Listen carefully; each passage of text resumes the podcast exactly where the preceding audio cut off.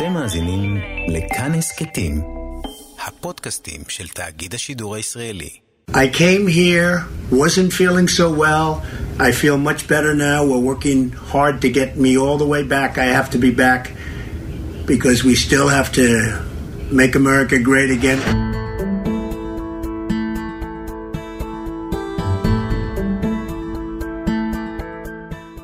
זה אחד הסיוטים הכי גדולים של האמריקנים. בשיא תקופת הבחירות הנשיא נופל למחלה קשה. נשים בצד את העובדה שהוא אחד ממכחישי הקורונה היותר ידועים, ונשאל מה ההשפעה של זה על המעצמה הגדולה בעולם, מי יקבל את הקודים הסודיים, את המפתחות לצוללת, ומי יחליף אותו, אם, חלילה וחס, הגרוע מכל יקרה לו. אתם על עוד יום, ואיתנו יפתח דיין, מומחה לפוליטיקה אמריקנית ובעל הבלוג על פילים וחמורים. יש את מה שנקרא התיקון ה-25 לחוקה, תיקון שהוא לא מימים ימימה, אלא הוא מ-1967, תיקון יחסית מודרני, שהוא נועד להיות סוג של ייפוי כוח מתמשך לסגן הנשיא, במקרה שהנשיא אה, לא יכול לתפקד ולא יכול אה, בעצם להביע את הרצון שלו.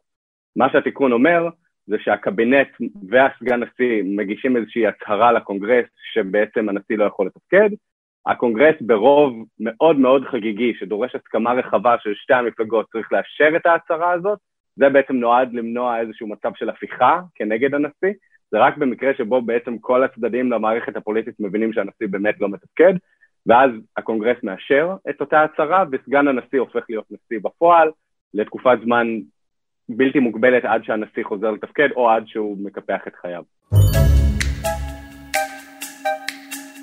לדוגמה ג'ורג' בוש הבן, כשהוא עבר קולונוסקופיה בשנת 2003, הוא העביר את הסמכות שלו לדיק צ'ייני כי הוא עבר טשטוש, וכשהוא עבר טשטוש הוא ידע שהוא לא הולך להיות כשיר להיות נשיא. The president will undergo a routine colonoscopy tomorrow while at Camp David. Because the president will be under the effects of anesthesia, he once again is elected to implement Section 3 of the 25th Amendment to the United States Constitution. Once enacted, the vice president will serve as acting president until such time as the president notifies the appropriate authorities that he is prepared to reassume the authority of the president. במקרה של טראמפ, אל תהיו מופתעים, הוא אפילו לא חושב בכיוון. We got an update from his doctors earlier today, and they painted a, a fairly dire picture as far as what the president has been through in the past 24 plus hours. The president's doctor, Dr. Sean Conley, and the other physicians who are treating him, they, they tried to uh, say today that the president is doing really well, but before they said that, they also talked about all of the drugs that the president is on uh, and the, the state of his condition over these last couple of days. What, what they did share uh, is concerning. We're getting great reports from the doctors. This is an incredible hospital, Walter Reed. The work they do is just absolutely amazing, and I want to thank them all. The nurses, the doctors, everybody here. הוא כרגע בוחר שלא לעשות את זה, הוא נשאר נשיא בפועל כי הוא מעוניין להמשיך להישאר בשליטה לאורך כל התקופה של המחלה שלו בימים האחרונים. הוא חשב שהוא אה, עדיין כשיר ויכול לקבל החלטות ולכן הוא ממשיך להיות נשיא, אלא אם הוא מרצונו בוחר להעביר את הסמכות הזמנית הזאת לסגן הנשיא. I can't be locked up in a room upstairs and totally safe and uh, just say, hey, whatever happens, happens. קרה מתישהו שנשיא הוחלף בגלל המצב שלו? לא קרה שנשיא הוחלף בגלל תפקוד uh, לקוי ומה שנקרא באנגלית incapacitated, שהוא נבצר ממנו בעצם למלא את התפקיד שלו. אני צריך להזכיר, התיקון הזה הוא חדש יחסית, הוא נחקק בסך הכל ב-1967, שהתוצאה המרכזית של מה שהוביל לזה זה קודם כל רצח קנדי, המחשבה על זה שיכול להיווצר מצב פתאום שיש נשיא שהוא במצב שהוא לאו דווקא מת אלא גוסס או לא מתפקד. And by all NBC stations, a hotline bulletin in 10 seconds. Several shots were fired as President Kennedy's motorcade passed through downtown Dallas. The crowd screamed and lay down on the grass. As the motorcade went by, it was not known if the shots were aimed at the president. White House press secretary has just announced that President Kennedy died at approximately 1 o'clock Central Standard Time. He died of a gunshot wound in the brain. וגם הייתה ועדת חקירה למה שקרה בשנת 1919. ב-1919 הנשיא וודרו ווילסון חטף שבת, ובעצם במשך שנה לא תפקד בכלל. אשתו הייתה הנשיאה בפועל, אדית ווילסון, והיא הסתירה את החוסר תפקוד שלו מהעם ומרוב המערכת הפוליטית. וזה היה מצב לא דמוקרטי ולא תקין, ועדת חקירה חשפה את זה אה, רשמית רק בשנות ה-60, ואז כדי להימנע ממצב כזה, הקימו את התיקון ה-25 לחוקה. אז החוקה האמריקנית יודעת מה לעשות כשנשיא מפסיק לתפקד תוך כדי קדנציה. אחרי הכל, גם בשביל זה יש לו סגן שנבחר יחד איתו בבחירות. אבל עד כמה הבוחרים האמריקנים יודעים מה מצבו הרפואי של הנשיא שהם בוחרים? השאלה הזאת עלתה בשנת 1944, כשפרנקלין דלנו רוזוולט התמודד על כהונה רביעית ברציפות. Democrats convene at Chicago to elect presidential and vice presidential nominees. I present to this convention for the office of President of these United States, Franklin Delano Roosevelt. I have already indicated to you why I accept the nomination which you have offered me, in spite of my desire to retire to the quiet of private life. הוא כבר היה גוסס, סבל משורת מחלות קשות, אבל הציבור האמריקני לא ידע עד כמה, הוא בחר בו ברוב מובהק לעוד כהונה. על הפרק היו נושאים כמו הלחימה מול הנאצים באירופה, פיתוח פצצת אטום ראשונה, ועיצוב מחדש בעצם של העולם שאחרי המלחמה. אנחנו מדברים על שנים של לפני שנחקק התיקון 25 לחוקה. יש כאן עוד עניין, במקרה שאתה נוגע בו, של רוזוולט, שרוזוולט גם הסתיר מידע מהציבור לגבי המצב הבריאותי שלו, ולכן בלי קשר לתיקון ה-25 לחוקה, מאז הימים ההם נהוג שנשיאים משחררים הצהרות בריאות לבוחרים שלהם ובכלל לציבור, אבל גם כאן צריך לשים לב, כל, כל מועמד לוקח את זה לכיוון קצת אחר. אנחנו זוכרים, זה מאוד מפורסם, לפני ארבע שנים טראמפ שחרר הצהרה די מצחיקה מרופא שהוא לא לגמרי רופא, שאומר שהוא האדם הכי בריא שאי פעם מתמודד לנשיאות. The doctor's statement is being mocked online for its over-the-top Trump-like tone. If elected, Mr. Trump, I can state unequivocally, will be the healthiest individual ever elected to the presidency. לא באמת נתן מענה לצורך הזה של הציבור לדעת מה מצבו הבריאותי המלא, אבל זה לא כל כך שינה לאנשים בעובדה שהוא נבחר uh, למרות זאת. עדיין זה נוהג שהשתרש בין היתר כדי למנוע את אותו מצב כמו רוזוולט, שנבחר לנשיאות אדם שמסתיר מהציבור כמה חמור מצבו הבריאותי. ואל תדאגו, יש גם נקודה ישראלית בסיפור של רוזוולט. בגלל המצב שלו היה ברור שמי שיהיה סגן הנשיא עשוי לרשת אותו מאוד מהר, כפי שאכן קרה. בסביבה של רוזוולט לחצו עליו מכל מיני סיבות להדיח את הסגן הקיצוני הנרי וואלאס. רוזוולט עשה את זה והציב מועמד לא מוכר בשם הרי טרומן. Senator Truman, Democratic vice presidential nominee, relaxes at his Independence, Missouri home. Neighbors congratulate him on his convention success. לימים נשיא מוערך ואהוד, וגם זה שהכיר במדינת ישראל הצעירה.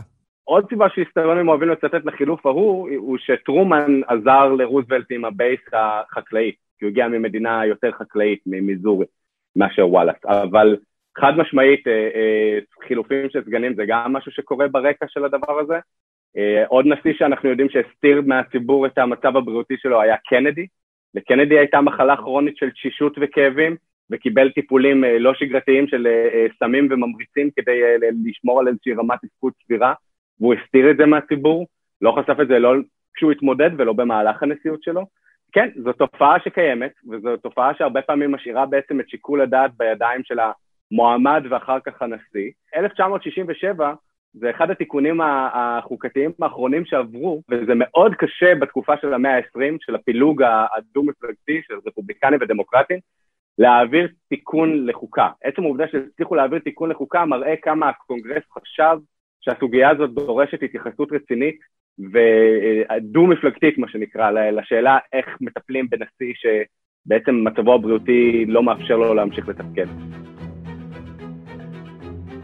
טוב, כל זה טוב ויפה לגבי נשיא באמצע הכהונה שלו. אבל עכשיו אנחנו באחת התקופות הכי רגישות, ימי בחירות, כשלא ברור מי יהיה הנשיא הבא של ארצות הברית, ומה קורה כשמועמד יוצא לנבצרות. זה מעולם לא קרה, וכאן אנחנו מגיעים לתוהו ובוהו חוקתי, שרק מתעצם בגלל ההצבעה המוקדמת בדואר שכפתה הקורונה וכבר נמצאת בעיצומה. אם טראמפ מקפח את חייו חס וחלילה לפני הבחירות, לכאורה המפלגה הרפובליקנית אמורה להתכנס ולהכריז מי יהיה זה שיחליף אותו. במיוחד כשאנחנו מסתכלים על שנה שבה לא היה פריימריז למעשה במפלגה, לא באמת היה פריימריז במפלגה הרפובליקנית, היה את טראמפ שמקיר לקיר זכה בתמיכה להתמודד מחדש. אבל יש כאן איזשהו קמט.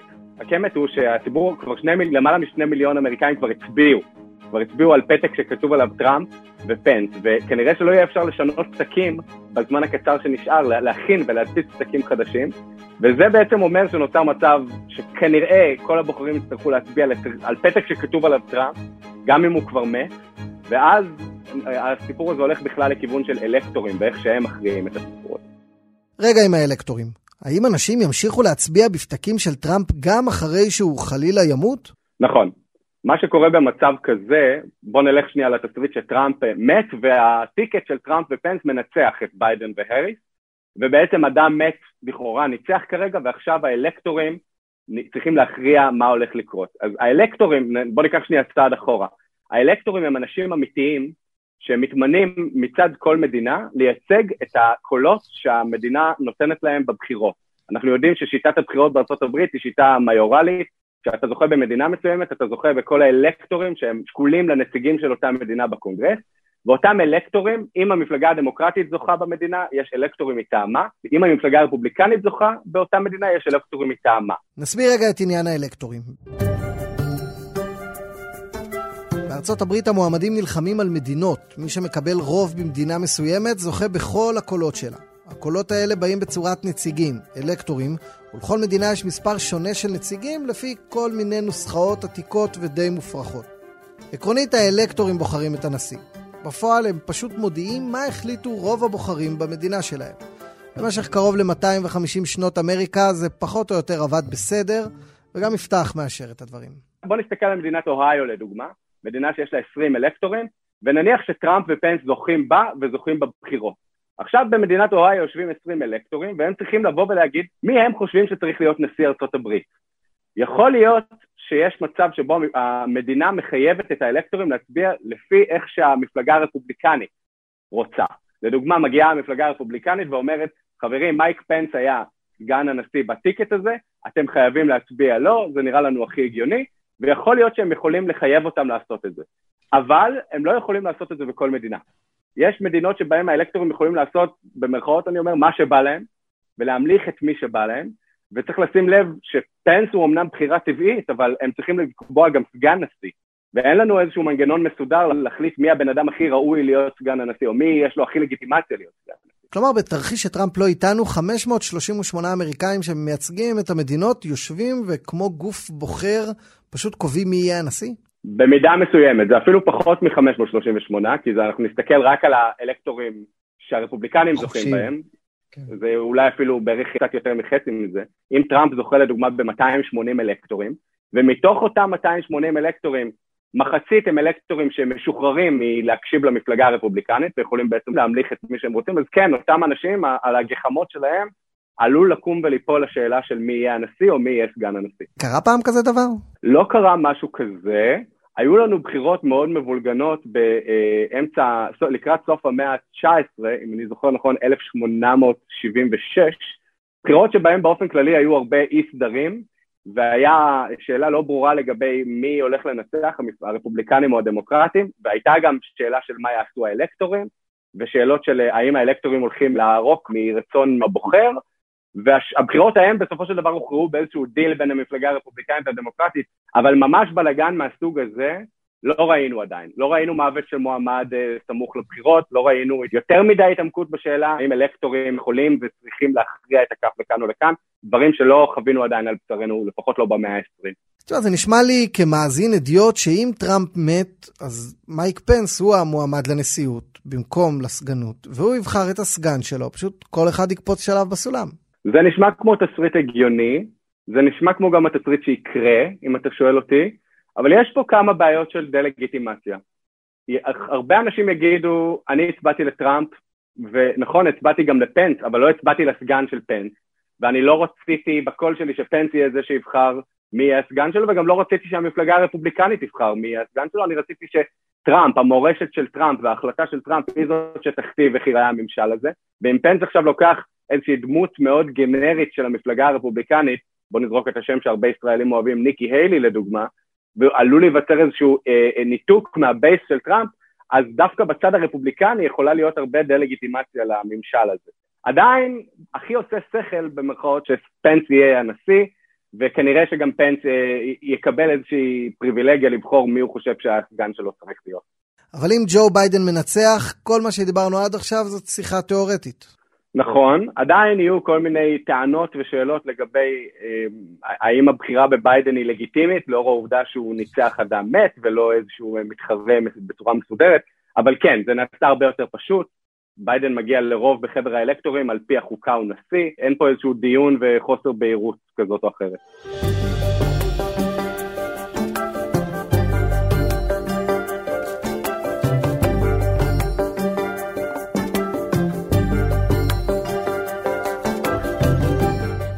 בינתיים טראמפ ממשיך עד כמה שאפשר את הקמפיין שלו, ולא רק ממיטת חוליו. I also think we're going to pay a little surprise to some of the great patriots that we have out on the street. And they've been out there for a long time and they've got Trump flags and they love our country. So I'm not telling anybody but you, but I'm about to make a little surprise visit. So perhaps I'll get there before you get to see me. הוא נחוש לשדר עסקים כרגיל, ואני מתחיל לשאול את עצמי אם הנחישות הזאת לשדר עסקים כרגיל היא לא תהיה למעשה זאת שתפגע בו יותר מהכל. כי לדוגמה ההחלטה שלו לצאת ברכב סגור עם נהג וסוכני שירות חשאי שיושבים איתו באוטו והוא אדם חולה קורונה מאומת ו- וידוע עם סימפטומים ועם מחלות, President Trump making a surprise appearance outside Walter Reed National Military Medical Center just a short time ago. In doing this PR move to show his supporters that he is doing all right, is he is putting the lives of Secret Service agents at risk. לנסוע איתם רק כדי לנופף לתומכים שלו, אני שואל את עצמי, האם זה לא, במקום לשדר עוצמה, משדר חוסר אחריות, חוסר שיקול דעת, מה חושב על זה לא הבוחר בבייס הקצה של טראמפ, אלא הבוחר מתנדנד בפרברים, האם הוא רואה בזה אקט של מנהיגות, האם הוא רואה בזה אקט אה, של אה, הירואיות, או האם הוא רואה בזה איזשהו אה, ניתוק מוחלט וחוסר דאגה לחיי האנשים שמקיפים אותו? זאת שאלה אמיתית, אני לא יודע לענות עליה, אבל אני חושב שיש כאן סכנה עבור טראמפ. אני חושב שאם הוא היה הולך על גישה קצת אחרת, של צניעות ושל הכרה בטעות ושל לקיחת אחריות, באופן פרדוקסלי זה היה עוזר לו הרבה יותר, בעיקר עם בוחרים מתנדנדים, אבל אני חושב שהרכבת הזאת כבר עברה. טראמפ החליט שהוא הולך על האופציה הראשונה של לשדר עוצמה ולשדר אה, חזרה לשגרה כמה שיותר מהר, ועכשיו אנחנו, נותר לנו רק לראות אם זה יעורר אמפתיה ואהדה או שלא. עד כאן לבינתיים. תודה לכם שהאזנתם, תודה לדניאל אופיר ורום אטיק שעל העריכה, וליאיר ניומן שעל העריכה הטכנית. אני הייתי עקיבא נוביק, תהיו חזקים.